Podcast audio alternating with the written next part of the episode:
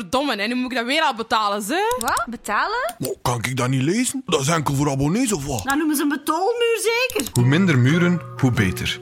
Daarom zit mo.be niet achter een betaalmuur. Hou Mo toegankelijk voor iedereen en word promo. Want hoe minder muren, hoe beter. Deze aflevering is mede mogelijk gemaakt door Schoolmakers.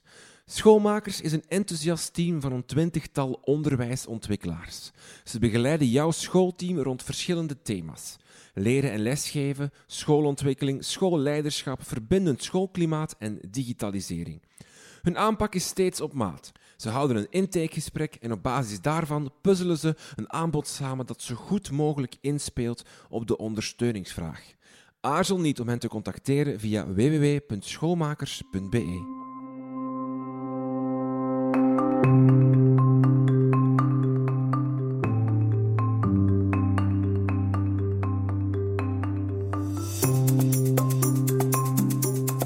Welkom bij Buiten de Krijtlijnen. Mijn naam is Renke van Hoek en dit is uw podcast over onderwijs.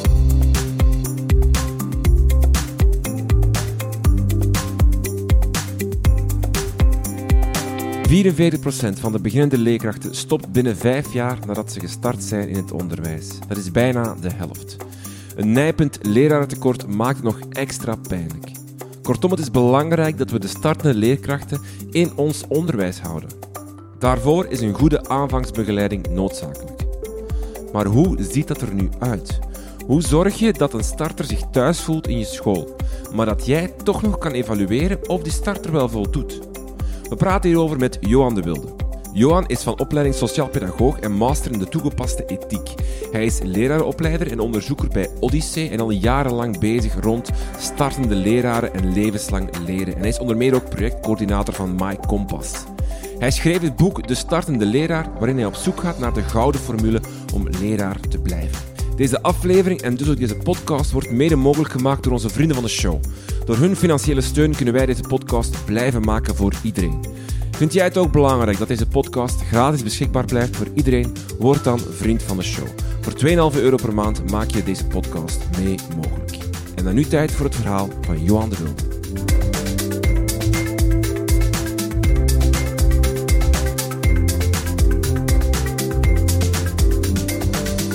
Dag Johan de Wilde. Uh, ja, 44% van de beginnende leerkrachten stopt binnen de vijf jaar na de start in het onderwijs. Dat is een getal dat ik uh, tegenkwam in, in mijn uh, research. Um, een getal dat u waarschijnlijk niet zal verrassen.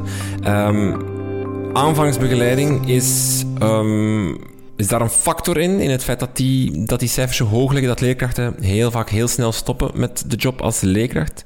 Is aanvangsbegeleiding daar een soort van ja, enerzijds een oplossing voor, anderzijds het feit dat het er nu te weinig is, een oorzaak van? Ja, dat speelt zeker mee. Hè. Um, aanvangsbegeleiding is een belangrijk iets. En aanvangsbegeleiding in Vlaanderen wordt vaak ook gestopt na één jaar al. Hè. En dat is te vroeg. Ik denk, uh, internationaal spreekt men vaak van drie tot vijf jaar. En wij houden het heel vaak bij één jaar. Ik geef ook wel wat vorming rond aanvangsbegeleiding en hoe omgaan met startende leerkrachten. En dan vraag ik wel vaak eens aan de mensen, hoe is dat bij jullie georganiseerd? En dan zeggen ze vaak zo met een zekere gêne, ja, als wij u hier horen, dan zijn wij toch wel heel verrast, want jij spreekt altijd over drie à vijf jaar. En onze directeur zegt dat wij eigenlijk maar één jaar die mensen mogen begeleiden. Dus zitten wij wel met een probleem. Dus dat, dat, is, allez, dat is ongetwijfeld iets. Um, je hebt wel cijfers genoemd die in de eerste plaats voor het secundair onderwijs gelden. In, de, de, basisschool is dat wat minder. Maar dat blijft natuurlijk wel problematisch. Hè? Dat, dat, dat, mensen gestudeerd hebben voor een job. Hè? Die weten allemaal wat dat betekent. Hè? We hebben allemaal zoveel jaar op school gezeten. Je kiest dan om leerkracht te worden. Um, je doet daar een opleiding van drie jaar of langer als het voor basisonderwijs is. Hè. Voor het secundair onderwijs hangt het er vanaf welke formule dat je kiest, maar hoe dan ook toch ook een jaar minstens. En dan kan dat een afknapper zijn. Dat is, ja, dat is, dat is eigenlijk wel heel, heel pijnlijk. Dus we zouden dat toch wel moeten, moeten kunnen reduceren. En dat ligt aan de kant van de aanvangsbegeleiding, waar we straks ongetwijfeld op gaan doorgaan. Maar als lerarenopleider wil ik ook wel even autokritisch kijken naar de opleiding zelf. En ik denk dat we in het verleden te vaak uh, ervan uit zijn gegaan als ze dat en dat en dat en dat allemaal kunnen, die competenties allemaal hebben, dan zal het wel lukken. En dan daarna is de verantwoordelijkheid van de anderen. Dan ligt een bal in het kamp van de scholen. En wij hebben daar volgens mij fouten gemaakt. En vooral op vlak van um, de context leren zien van de school waar dat je in terechtkomt hè, als, uh, als starter. Dat is iets dat we te weinig hebben gedaan. Dus de cultuur van een school vatten. Wat zijn hier de gewoonten, de geplogenheden? Hoe ga ik daarmee om? En ook de micropolitiek. De machtsrelaties die er in die scholen zijn. En dat hebben ze in het verleden te weinig aangeleerd. Hè. En we kunnen dat ook niet ten volle doen, omwille van het feit dat op het moment dat wij de mensen nog begeleiden, dan zijn wij er zelf ook nog bij. Dus als uh, ik een student stuur naar uw school en die heeft daar een of ander conflict, dan ben ik daar ook nog altijd bij om eventueel met jou te gaan praten van ja, die studenten, je moet dat begrijpen. En dan daarna valt die, buffel, die buffer valt eigenlijk weg. En die staan daar eigenlijk alleen tegenover die andere school. En die andere school, of die school, die beseft niet altijd hoe vanzelfsprekend hun eigen vanzelfsprekendheden wel zijn voor zichzelf, terwijl dat die voor de anderen niet zo zijn. Hè? Over welke plaats neemt je in in de leraarskamer? Moogde jij al iets zeggen als starter? Um, die manier van pauzes organiseren, die manier van examens organiseren, die is voor die school vanzelfsprekend, maar zij hebben misschien andere dingen gezien. En soms is dat voor een starter wel heel moeilijk of heel delicaat om dat aan te brengen. En als je dan het gevoel hebt van oké, ik kan mijn ei hier niet leggen of ik moet het allemaal doen zoals zij het doen, ook al weet ik dat het eigenlijk niet de juiste oplossing is, dat haalt heel wat motivatie weg en dat je op een bepaald moment zegt, voort, ik ben hier weg, dat, dat speelt ook mee. Dus wij verliezen ook goede mensen en niet alleen mensen die, die niet zo sterk zijn op het moment dat ze starten. Misschien even, um, wat is er wettelijk voorzien um, rond begeleiding, controle van startende leerkrachten. Ik weet, toen ik startte, de eerste, dan moet ik even nadenken, twee jaar kwam mijn directeur uh, drie keer op een jaar kijken uh, en hadden we een evaluatiegesprek achteraf. Um, ik neem aan, is dat iets, zat dat in de wet of hangt dat af van scholen of is dat, is dat vanuit de koepel opgelicht? Uh, op, opge, allee, is de bedoeling? Of, nee. of? Ja, er, die dingen veranderen ook. je weet dat er nu ondertussen kunt ook sneller benoemd worden en ja. zo. Hè? Maar er is nu wel een plicht van de scholen om voor aanvangsbegeleiding te zorgen. Okay. Dat was er vroeger volgens mij niet. Dus die plicht is er wel. Maar hoe dat die ingevuld wordt, dat is toch wel heel verschillend. En een van de elementen, dat is dat uh, sinds dat er die, die uren voor aanvangsbegeleiding zijn geweest, die dan daarna zijn afgeschaft. Hè? Ja. Maar in de geest van veel mensen en in de structuren van veel scholen is dat toch nog altijd dat er een aantal mensen daar tijd en ruimte voor hebben om die starters te begeleiden. En ik denk dat dat voor een stuk ook een beetje een probleem is. Daar wil ik mee zeggen, aanvangsbegeleiding is eigenlijk een collectieve verantwoordelijkheid. Is een verantwoordelijkheid van het hele team. En dat er daar een paar mensen zijn die zich dat meer aantrekken en die daar meer in thuis zijn, die er meer instrumenten rond hebben en die de mensen wegwijs maken. Er is niks op tegen, dat is heel goed dat die er zijn. Maar ook de andere collega's, die zouden zich eigenlijk betrokken moeten voelen. En de directeur moet dat zeker ook. Misschien even een beetje verduidelijken waarom die andere collega's ook zo belangrijk zijn. Stel, ik ben de verantwoordelijke voor de aanvangsbegeleiding in mijn school. En er komen vijf starters binnen. En die zijn verschillend qua gender, die zijn verschillend qua interesse, die hebben verschillende vakken dat die geven, die hebben verschillende hobby's.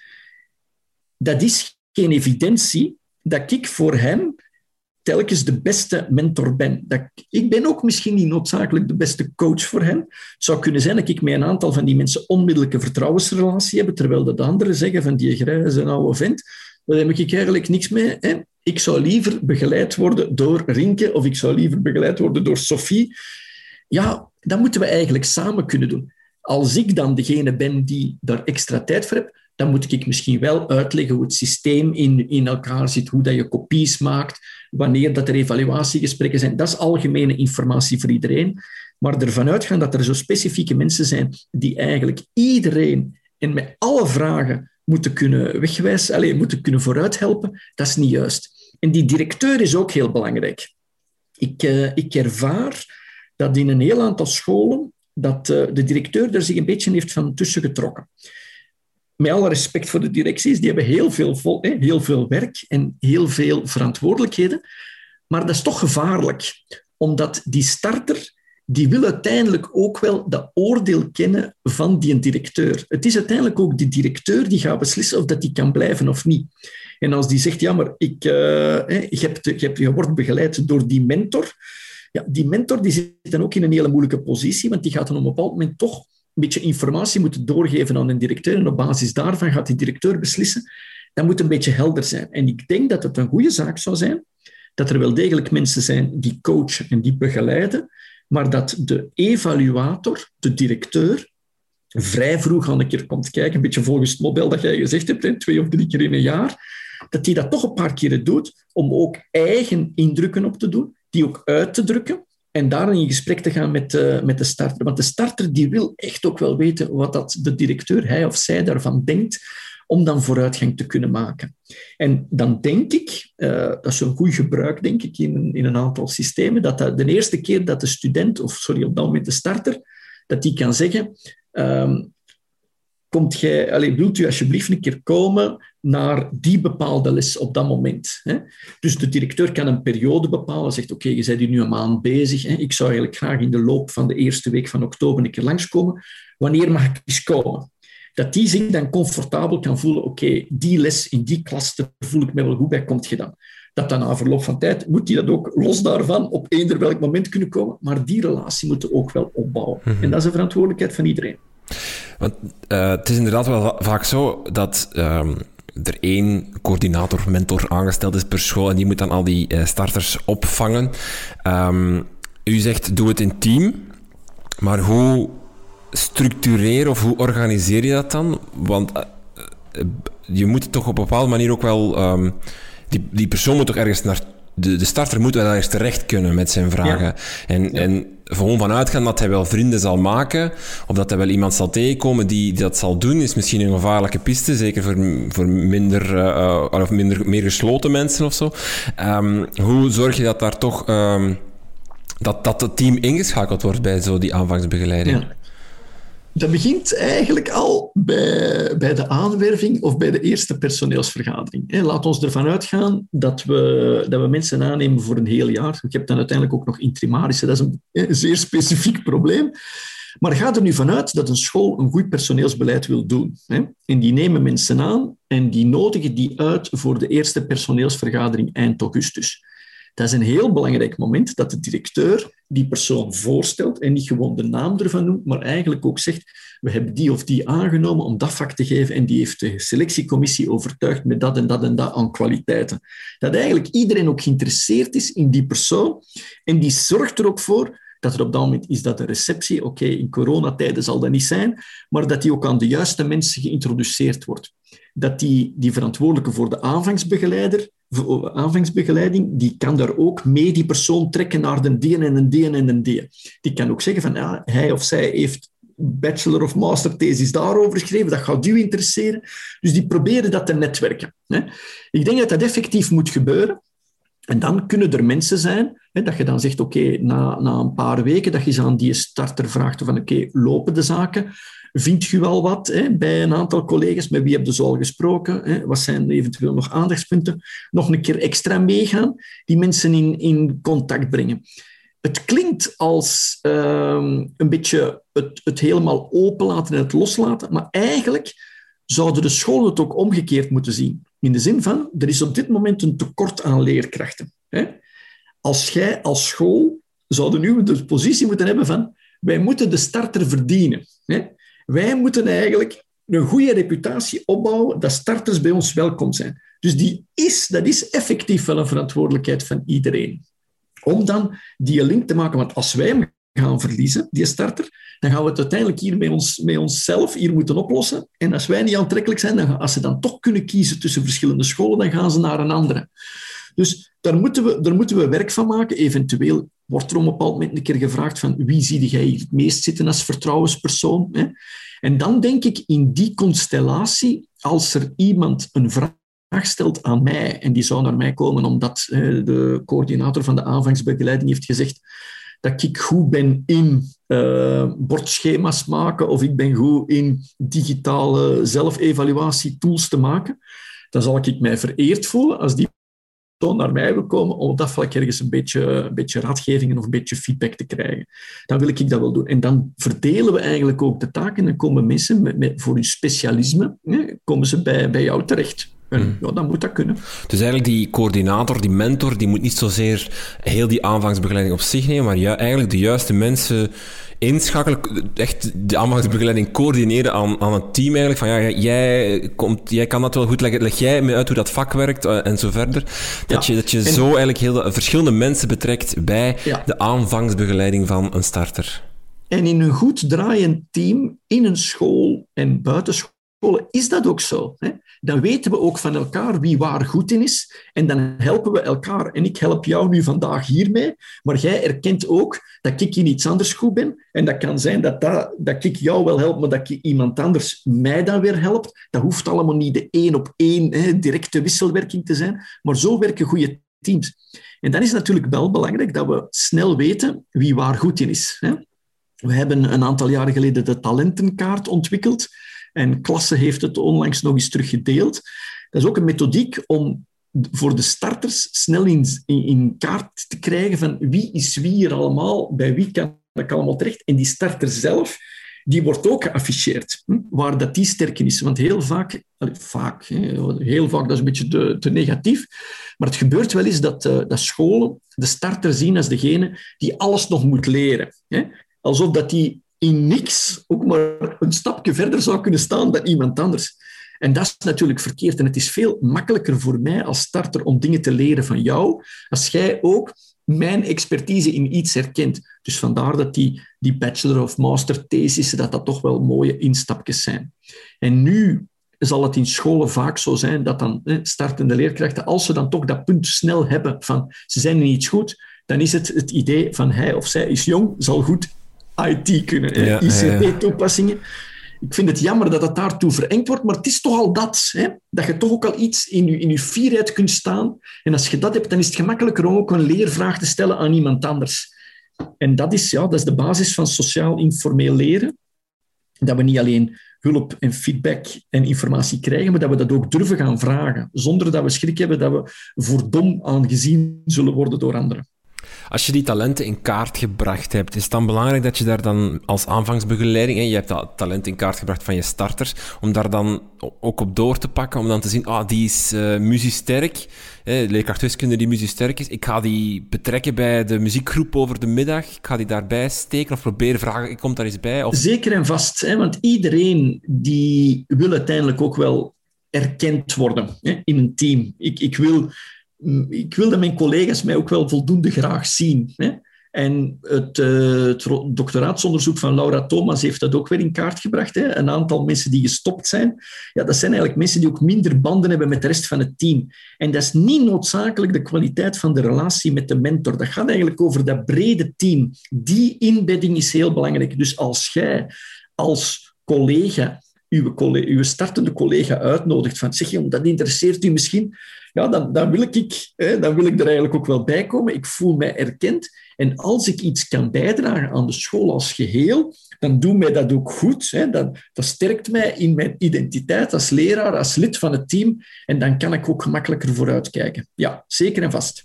Is, want die vraag komt daar dan wel een beetje bij, vind ik. Het is misschien een beetje een zijstapje, maar is ons onderwijs eigenlijk nog te veel gebaseerd op, op ervaring, op anciëniteit. Je hebt maar iets te zeggen als je zoveel anciëniteit hebt. Wat u helemaal in het begin zei, van we zien de starter nog vaak als een, als een wit blad dat nog van niets weet en dat alles nog moet leren en, en die vooral moet luisteren en volgen wat, dat wij, wat de anciens doen. Zit die mentaliteit, of ook gewoon al het, het hè, met vaste benoeming heb je dat eigenlijk ook deels. Je moet, moet wachten en dan, en dan pas je mee, zal ik maar zeggen. Hey, zo dat gevoel, ik, ik, ik, trek het nu, ik overdrijf nu een beetje. Zit dat er nog te veel in en is dat ook een nefast gevolg of een nefast gevoel dat, dat starters vaak krijgen?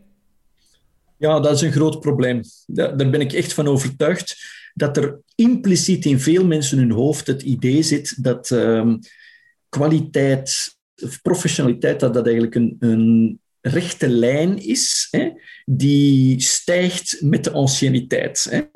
En dat als je tien jaar anciëniteit hebt, dat je dan eigenlijk een stuk beter bent dan iemand met vijf jaar anciëniteit, nog veel beter dan van twee jaar, en, en, ga zo maar naar beneden.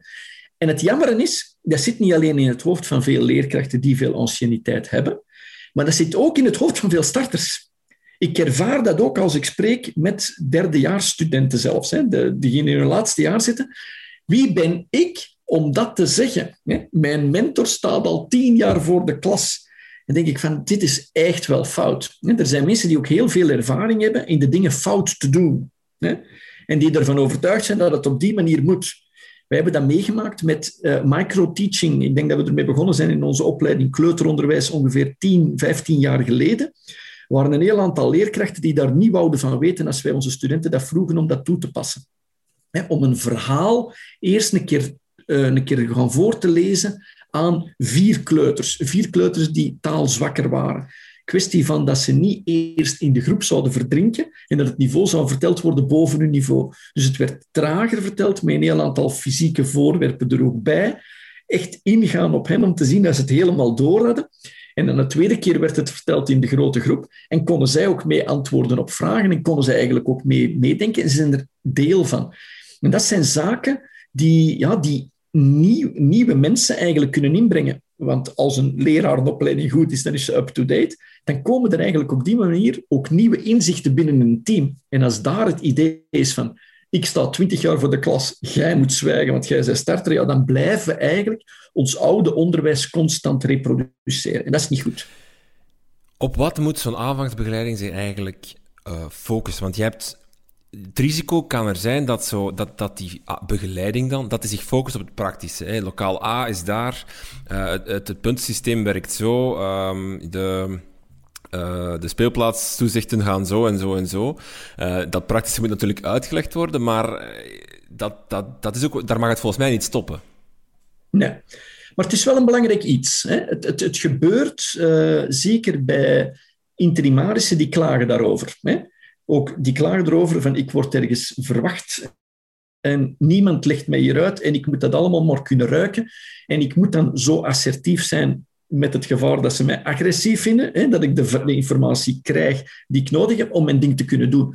Dus als school ehm, een soort van een draaiboek heeft. Hè. Soms, soms heb je ook in basisonderwijs dat men per klas eigenlijk een beetje een, een, een boekje maakt van dit is de, de klassieke klaswerking, moet jij mijn klas overnemen? Dit is eigenlijk de structuur zoals die ineen zit. Dat is niet slecht. Ik denk dat dat goed is. Maar het moet meer zijn. Hè. Het moet meer zijn. Je moet, je moet ervoor zorgen dat die persoon veilig vragen kan stellen en dat die ook begeleid wordt en dat die voelt dat hij op het moment dat hij daartoe gekomen is, dat er eigenlijk een motie van vertrouwen wordt in uitgesproken. tegenover de motie van wantrouwen, alles kan tegen u gebruikt worden. Eigenlijk zou het zo moeten zijn dat hij voelt van wij hebben u aangeworven, wij geloven in u. En als dan toch blijkt dat dat hier niet klikt, dan gaan wij mee af. Dan hebben wij mee een fout gemaakt. Dat zouden eigenlijk moeten krijgen. En als ze dat ook voelen, ik mag fouten maken, dan durf ik ook experimenteren dan kan ik vooruit gaan. En dan durf ik mensen een keer feedback geven op dingen waar ik mee bezig ben. En dan denk ik dat in die aanvangsbegeleiding ook moet komen een heel belangrijk aspect, dat, is, dat ze daar ook, het, voor zover dat nog nodig is, dat zaadje planten voor levenslang leren. Meekijken van, oké, hier staat je nu al, wat is de volgende stap? Waar wil jij naartoe? En een van de projecten waar ik ook mee bezig ben, is uh, My Compass. En daar vertrekt je eigenlijk van het idee van wat is de professionele droom van die persoon. Hè? Die starter die komt binnen, dat is niet gewoon de vervanger van uh, lerares Lydia, die op pensioen is en die nu 5B overneemt. Nee, dat is ook een profiel. Dat is ook iemand die een specifieke droom, specifieke talenten, specifieke zaken wil realiseren. En als je er al een tijdje bent, dan moet je dat beginnen voeden. Wat is dan de volgende stap naar je droom. Moeten we misschien afstemmen, moeten we misschien praten met de directie. Binnen een paar jaar komt die bepaalde plaats vrij. En jij zou liever in het tweede leerjaar staan dan in het vijfde leerjaar, misschien tegen dan. Wat moeten dan eigenlijk tegen dan nog voorbereiden? Waar kun je nu al in meedraaien? Uw voorbeeld dan net van betrekken bij een of ander muzisch feest of zo. Oké, we zijn eigenlijk aan het kijken wat hebben we nodig, wat wilde jij? En we proberen eigenlijk verder vooruit te gaan. En dan gaan we niet gewoon de, de minnetjes wegwerken, Nee, dan proberen we eigenlijk de troeven van de persoon te ontwikkelen die ook aansluiten bij wat we als school nodig hebben. En gewoon kijken van overal voldoen. Hè, en ik kan nog niet goed dat, dus ik moet hier nu alles op focussen. Dat is eigenlijk geen goede aanpak. We moeten het op schoolniveau zien. dat die kan integreren en dus ook zijn talenten kan ontwikkelen. En dat moet ook in die aanvangsbegeleiding eigenlijk gestimuleerd worden. En schoolcultuur, want dat is vaak onuitgesproken, dat zijn assumpties. Uh, het feit dat leerkracht Jos altijd op die stoel gaat zitten en jij mag daar zeker niet gaan zitten. Het feit dat uh, als je de laatste koffie gepakt hebt, dat je dan altijd vlug even nieuwe moet zetten. Um, ja, de, de onuitgesproken gewoontes, tradities. In hoeverre moet je dat als aanvangsbegeleiding, één, bewust van zijn dat die er zijn in je school, en twee, moet je die expliciet maken naar je, je starter? Of is dat iets wat, wat je als starter gewoon met vallen en opstaan moet, moet ontdekken? En is dat een onbegonnen werk om dat, om dat te proberen eh, visueel of, of um, expliciet te maken? Ik denk dat het goed is uh, om dat expliciet te maken, ja.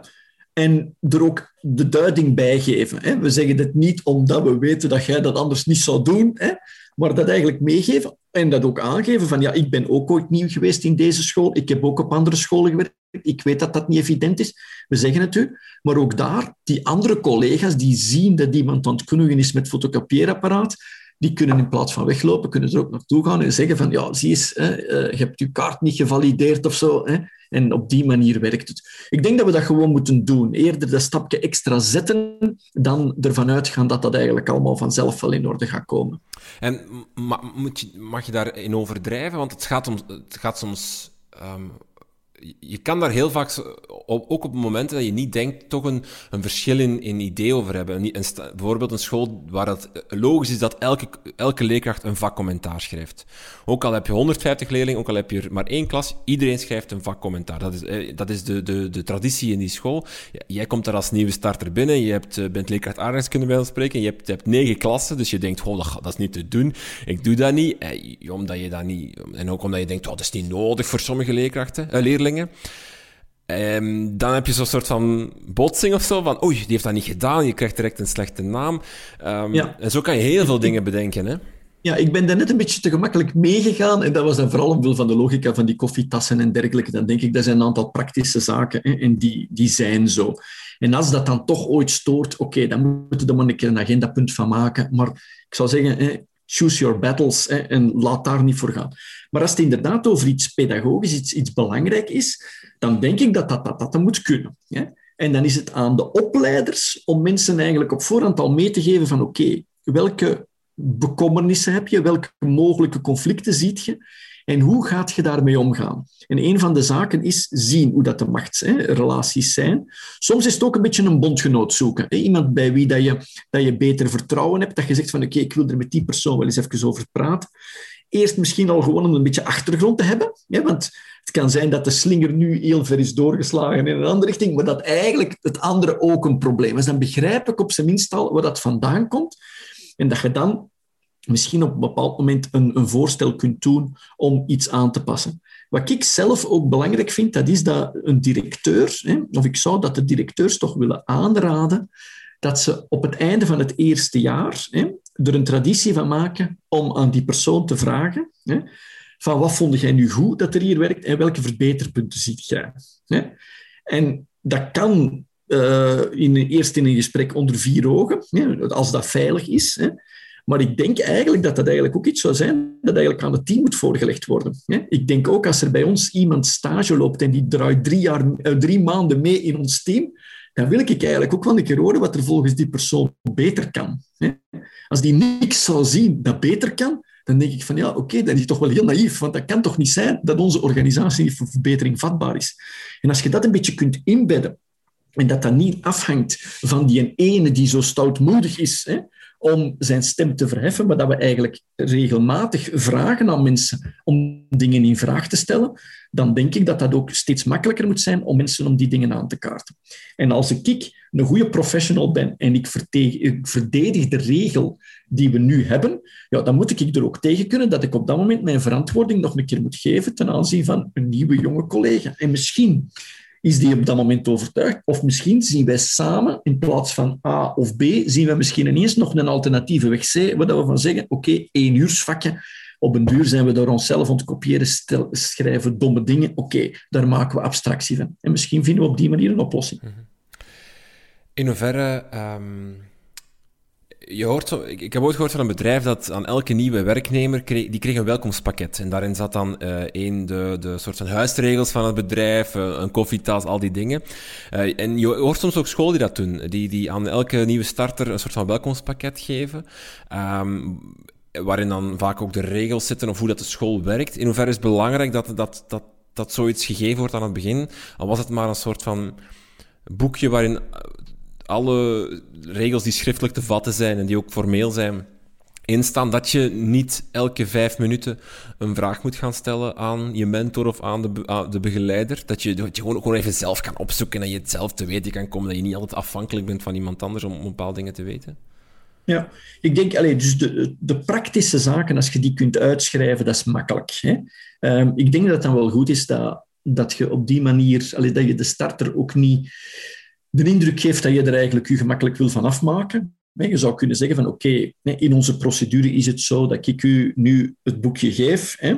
Lees dan een keer op uw gemak door. We gaan er dan binnen twee weken nog een keer over praten of dat alles duidelijk is hè? en of dat je ondertussen nieuwe vragen hebt. Dan nodig ik eigenlijk ook terug uit voor, voor, een, allez, voor een gesprek. Maar daarnaast heb je dus het pedagogische en de visie van de school. Hè? En als we daar zeggen, oké, lees dat allemaal, hè? Dat kan zijn dat dat allemaal mooi is uitgeschreven en dat wat er geschreven staat ook helemaal doorleefd wordt door, uh, door iedereen. Ik denk dat het goed zou zijn, moest de directie zelf hè, dat eerst een keer laten lezen en er dan over in gesprek gaan met, met de leerkracht en ergens bepaalde dingen onderlijnen en ook aangeven waar dat die naar streeft, wat dat die nog beter wil gaan en wat dat er eigenlijk eventueel nog allemaal achter speelt. Ik zou eigenlijk op die manier graag ja, de, de onboarding doen van, van de startende collega. Ik denk dat dat belangrijk is, ja. Je hebt ook nog het, um, het dilemma van um, controle versus... Allee, controle, evaluatie liever versus begeleiding. Um, je wil...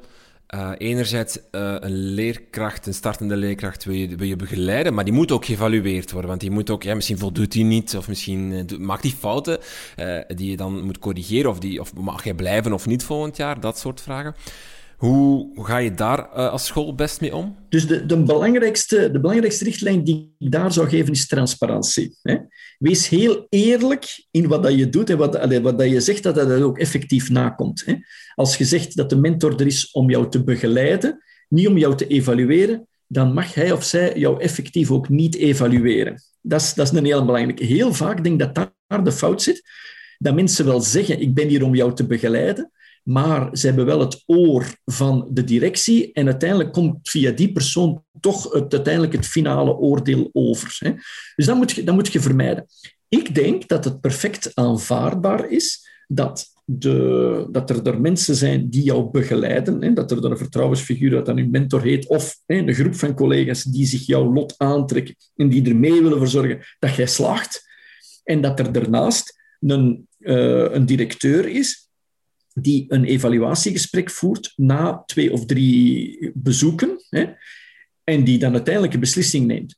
Ik heb op een bepaald moment ook in aan school, want dat is iets dat vaak terugkomt, hè, ook uh, al een keer voorgesteld, wat dat voor mijn part ook zou kunnen, dat is dat je zegt, oké, de directeur, hij of zij heeft zijn eigen systeem, hè, maakt op een bepaald moment de beslissing, maar voordat de beslissing definitief wordt, hè, formeel wordt, vraagt hij aan de mentor Um, om dat te bevestigen. In de zin van, um, als die zou zeggen van ik vind dat die heel, heel goed is, maar de mentor heeft zicht op onwil hè, of, of zicht op grove professionele fouten, dan kan die dat terugfluiten. Omgekeerd ook, moest het zo zijn dat de directeur zegt op basis van die, die inschatting die hij of zij kan maken, dat die persoon uh, niet voldoet en dat die andere zegt van ja, ik weet niet hoe het komt dat jij die indruk hebt, maar dat en dat en dat heb ik al meegemaakt. Ik wil hier eigenlijk een tegenargumentatie geven dat hij dat kan herdoen. Maar dat doet je alleen maar als het verschil echt heel groot is. Hè? Want ik denk ook voor een aantal mentoren zal het ook kantje boord, alleen zal het ook ergens tussen, laten we zeggen, percentiel 40 en 60 zijn. En als dan een directeur onafhankelijk vindt dat die goed is, dan gaat hij dat niet tegenspreken. En als die zegt, onafhankelijk daarvan, dat die niet goed is, en die zegt, ja, had die nu het andere gezegd, dat ik meegevolgd, maar nu volg ik ook. Ik, ik heb hier niet doorslaggevende bewijzen om dat tegen te spreken. En als de, dus de, de starter dat ook weet dat dat de positie is van de mentor, dan kan die zich daarin vinden. Want je moet wel een soort van een sfeer van veiligheid toch kunnen creëren. Dat die, dat die starter ook kan aangeven van ja, dit lukt me niet of, of hier ben ik kwetsbaar op. Dat, dat is heel moeilijk. Denk ook een van, als ik ook naar, naar mijn eigen uh, startende jaren keek, was dat ook een van de dingen waar je heel hard over twijfelt om, om, om, om te vertellen wat niet lukt. Omdat je dan ook heel snel denkt van ja, dan gaan ze mij volgend jaar niet meer willen... Of ga ik niet mogen blijven als ik hier aangeef dat, dat, dat ik die klas niet onder controle kan houden. Dus je moet wel een soort van veilige relatie creëren tussen jou en je, en je mentor of je begeleider. Dat je dat durft zeggen, want anders krijg je probleem niet opgelost of blijft dat hangen. Dus vandaar dat ik er ook wel voor pleit, dat, die, dat die mentor of die vertrouwensfiguur, wie het ook is, dat die jou in de eerste plaats wil coachen, dat die jou wil begeleiden hè, en dat dat niet, niet zozeer de evaluator is. Maar dan moet het ook zo zijn. Hè. En als die dat ervaart dat dat niet zo is, dan werkt het niet. Dus als dat zo is van, ik kan hier mijn probleem uh, publiek maken, ik kan er hierover spreken, ja, dan is dat ook wel een, dan creëert dat ook wel wat rust. Hè? Want er is niks zo stresserend als en een probleem hebben en erover moeten zwijgen. Hè?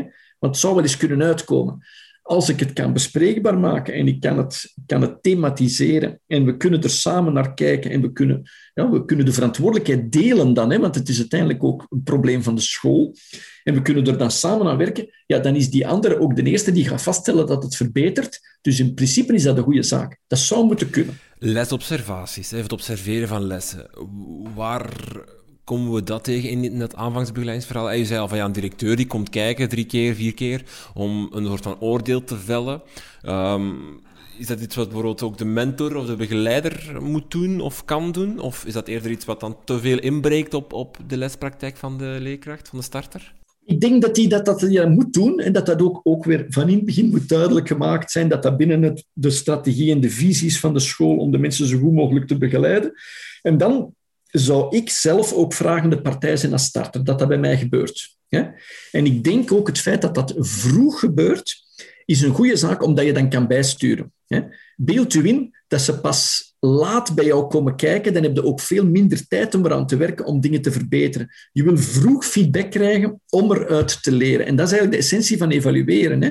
Dat, dat is evalueren om te leren en niet gewoon evalueren om dan te horen of dat je mag blijven of dat je moet gaan. Dus daar, ja, daar moet je aan werken. Ja, het zou, geen interview zijn, of in deze tijd zonder een coronavraag toch. Um, dat informele leren, dat, dat steunt heel hard op, op het bij elkaar gaan kijken, bij elkaar praten, uh, informele momenten. Die vallen nu wel grotendeels weg hè, door corona. Zelfs interviews doen we via de digitale weg. Um, denkt u dat daar een soort van ja, inflatie door, of, of dat er soort van heel veel kennis nu wel verloren gaat op die manier, of heel veel kruisbestuiving nu wel niet gebeurt door het feit dat we nu met die corona zitten? Zeker vorig jaar is dat een probleem geweest. Hè. We zijn uiteindelijk ook over, over de starters hè, en over de aanvangsbegeleiding bezig. En ik heb gezien dat er heel wat in het water is gevallen. Heel veel goede plannen zijn in het water gevallen. Het was first things first, ervoor zorgen dat er eigenlijk voor iedereen iets stond. En scholen zijn ook teruggevallen op hun bestaande netwerken. De mensen die ze het beste kenden, die moesten het organiseren. En dan werden de anderen ook wel ingeschakeld. Maar de zorgen van de, de nieuwe mensen, dat stond niet centraal. Bepaalde schema's ook van, van aanvangsbegeleiding zijn op een, stil, een laag pitje gezet. Dat is zeer jammer. Ik denk dat het op dit moment um, beter zal zijn, omdat nu de, de nood aan dat informele contact is toch wel groot. Hè. Het wordt ook verwoord in de media. Hè. Um, ja, ik denk dat we erop moeten inzetten. Hè. Um, ook mensen face-to-face. Geen grote groepen, maar kleine groepen. Toch praat met elkaar, toon een keer iets, nodig een keer iemand uit om toch naar dingen te kijken. Al is dat je het via video doet, maar dat moeten we wel doen. Ik denk dat, het, en ik denk dat we nu misschien beter beseffen wat we gemist hebben, om er extra op in te zetten. En het, het kan. Het hoeft niet met een hele grote groep te zijn en het hoeft niet altijd met een feest te zijn. Oké, laatste vraag. We hebben een hele tijd gehad over wat de school kan doen hè, om die aanvangsbegeleiding te organiseren. Maar wat kan de starter doen om zijn aanvang, zijn, zijn, zijn start eigenlijk goed te laten verlopen? Of, of om daar uh, te zorgen dat het een succesverhaal wordt? Ja, wel, in mijn, in mijn boek De, de Startende Leraar, hè, leraar worden uh, en blijven, hè, daar heb ik het over kunnen maal willen. Hè, Dus die starter die moet iets kunnen. Hè? En die moet ook willen groeien, die moet ook beter willen worden. Hè? Die moet die motivatie hebben als die toekomt, maar die moet die zelf ook sterk proberen te houden. Die moet ook naar, naar de mensen gaan zoeken die hem of haar kunnen versterken en niet alleen op de negatieve dingen inzetten, maar ook die, die banden proberen smeden. Maar die kunnen maar willen, dat staat in een context. In die context is de school waar we over spreken, wat er zoal georganiseerd wordt. En ik, ik nodig de scholen uit om een ontmoetende ruimte te zijn waar dat de mensen in kunnen groeien en in, in willen groeien. Maar dan heb ik daarboven een, uh, een kwadraat gezet met het idee, die context is niet alleen een context die dat gegeven is, dat is ook een context die je zelf maakt. Je moet zelf ook proactief omgaan met die zaak. En ik denk, ja, die, die starter die moet ja, die moet zelf hè, dat stuur in handen nemen. Die moet echt ze, zeggen van, dit is ook mijn loopbaan en die zaken die overkomen mij niet alleen. Nee, ik moet ook zelf stappen zetten. Hè. Stappen zetten om dingen bij te leren, aan te geven van, dit lukt nog niet. Wilde jij er een keer naar kijken? Hoe zou dat volgens jou wel kunnen? Uh, maar ook de stap zetten om iets te tonen waar dat die goed in is. Problemen aan te kaarten, die moet, ja, die moet er echt wel voor gaan. En uh, sommige contexten zien we dan. Dat, uh, ik heb gezegd dat ik opleidingshoofd ben geweest gedurende 13 jaar in opleiding. Je komt daarna op stagebezoek, je ziet je starters van toen aan de slag. Er zijn mensen bij die ooit zeer beloftevol zijn afgestudeerd, dat stoppers eigenlijk, en die ja, weggekwijnd zijn. Hè? Die eigenlijk grijze massa zijn geworden. Maar grijze massa niet als zeer intelligent, maar als opgaan in de, in de leegte eigenlijk. Hè. Terwijl er anderen zijn die misschien een minder krachtige leermotor hadden, maar die er het beste van gemaakt hebben. Die misschien geluk gehad met een context, maar die hebben die kansen in die context ook wel ten volle genomen. En als je dan als starter in een context zit die eigenlijk niet optimaal is. En je denkt van ik heb dat en dat geprobeerd, die, die diplomatische zetten allemaal gedaan en dat loopt hier niet. En ik voel mijn, mijn motivatie hier teruglopen, dan denk ik zoek u een andere school. Kom aan, met uw capaciteiten, met uw mogelijkheden, maak een aantal zaken duidelijk van wat je allemaal kunt, wat dat je eigenlijk toch ook in die moeilijke context op gang gezet hebt en solliciteer ergens anders en zie dat je ergens anders aan de slag komt, waar je terug kunt herbronnen. Want mensen die op verschillende scholen staan als interimaris, je moet daar maar een keer mee praten, die hebben allemaal wel een school dat ze zeggen, daar voelde ik mij heel goed en ik zou niet liever dan daar terug naartoe gaan. En een andere school, daar mogen ze mij absoluut niet meer zetten. En dan denk ik, ja, dan is het toch ook wel, als je als starter zijt, durf ook wel te kiezen. Hè. Ene keer dat je in een positie zit, dat je al iets verder zit, durf dan eventueel ook weg te gaan en ergens naartoe te gaan. Nu komt mijn echte laatste vraag, ik heb er toch nog één. Uh, u zei, u bent het gesprek begonnen te zeggen van ja, zo'n aanvangsbegeleiding moet drie tot vijf jaar duren. Nu is het, nu is het ook heel vaak dat, dat startende leerkrachten niet aan, aan, aan dat tweede jaar geraken of aan dat derde jaar geraken. Er zijn vaak uh, uren die veranderen, uh, vaste benoemingen, reaffectaties. Uh, en in het begin is het vaak uh, een soort van ja, doen en, en zo verder. Um, er wordt in de media of, of in de politiek wel al vaak eens gesproken van we zouden moeten kunnen zorgen dat, dat uh, startende leerkrachten een contract of een soort van zekerheid hebben voor, voor een jaar of voor twee jaar of voor drie jaar. Bent u voorstander van een startende leerkracht, als hij aan zo'n school begint, moet dat een traject zijn van minstens, als, als, een, als een school een startende leerkracht, en misschien geen interim, maar wel een vrije uur of zo, aanneemt, dan moet hij zich engageren om die toch zeker twee jaar, drie jaar um, daar een traject mee te gaan lopen, om, omdat na een jaar, wat kan je na een jaar zeggen over een leerkracht? Ja, ah, wel, misschien Misschien over de termijnen kunnen we, kunnen we discussiëren, dat zal ook een politieke kwestie zijn. Maar het, maar het idee hè, dat je een starter een goede positie geeft hè, voor een periode dat hij in kan groeien, en dat is dat inderdaad minstens een jaar, dat vind ik een essentiële.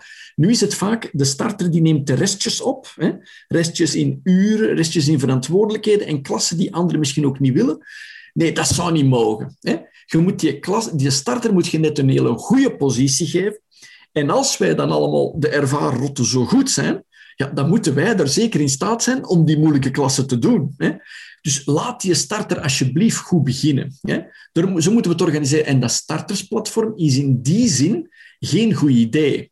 Het is geen goed idee, omdat het voor veel mensen betekent dat ze overal komen, maar nergens echt welkom zijn, of nergens ten volle wortel kunnen schieten, hè, helemaal kunnen bijdragen. En meer dan ooit opvulsel zijn, want ze, ze worden ingeschakeld als er pas een nood is. Ja, hè, er, zijn, er zijn ongetwijfeld ook goede voorbeelden hè, en er zijn ook coördinerende directeurs die, dat, die dat goed proberen bijhouden. En er zijn ook mensen in dat platform zitten die zeggen Oké, ik heb op die manier van veel culturen kunnen proeven en van verschillende zaken. Maar ik denk dat het beter is dat je in een goede job die voor jou aantrekkelijk is, kunt starten, iets kunt opbouwen, ook ten volle met ouders kunt werken, hè, lid zijn van een team, en dat je dan kunt verder kijken, oké, waar gaat mijn toekomst naartoe? En als je in het begin eigenlijk gewoon moet vechten om te overleven, dat is geen goede startbasis voor een, uh, voor een succesvolle carrière. Oké, Johan de Wilde, heel veel dank voor dit gesprek. Graag gedaan.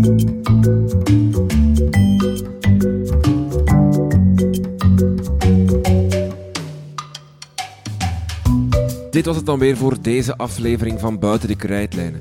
Blijf op de hoogte van onze plannen en nieuwe afleveringen via Twitter, Facebook of Instagram. Een lijst van al onze voorgaande afleveringen vind je op www.dekrijtlijnen.be.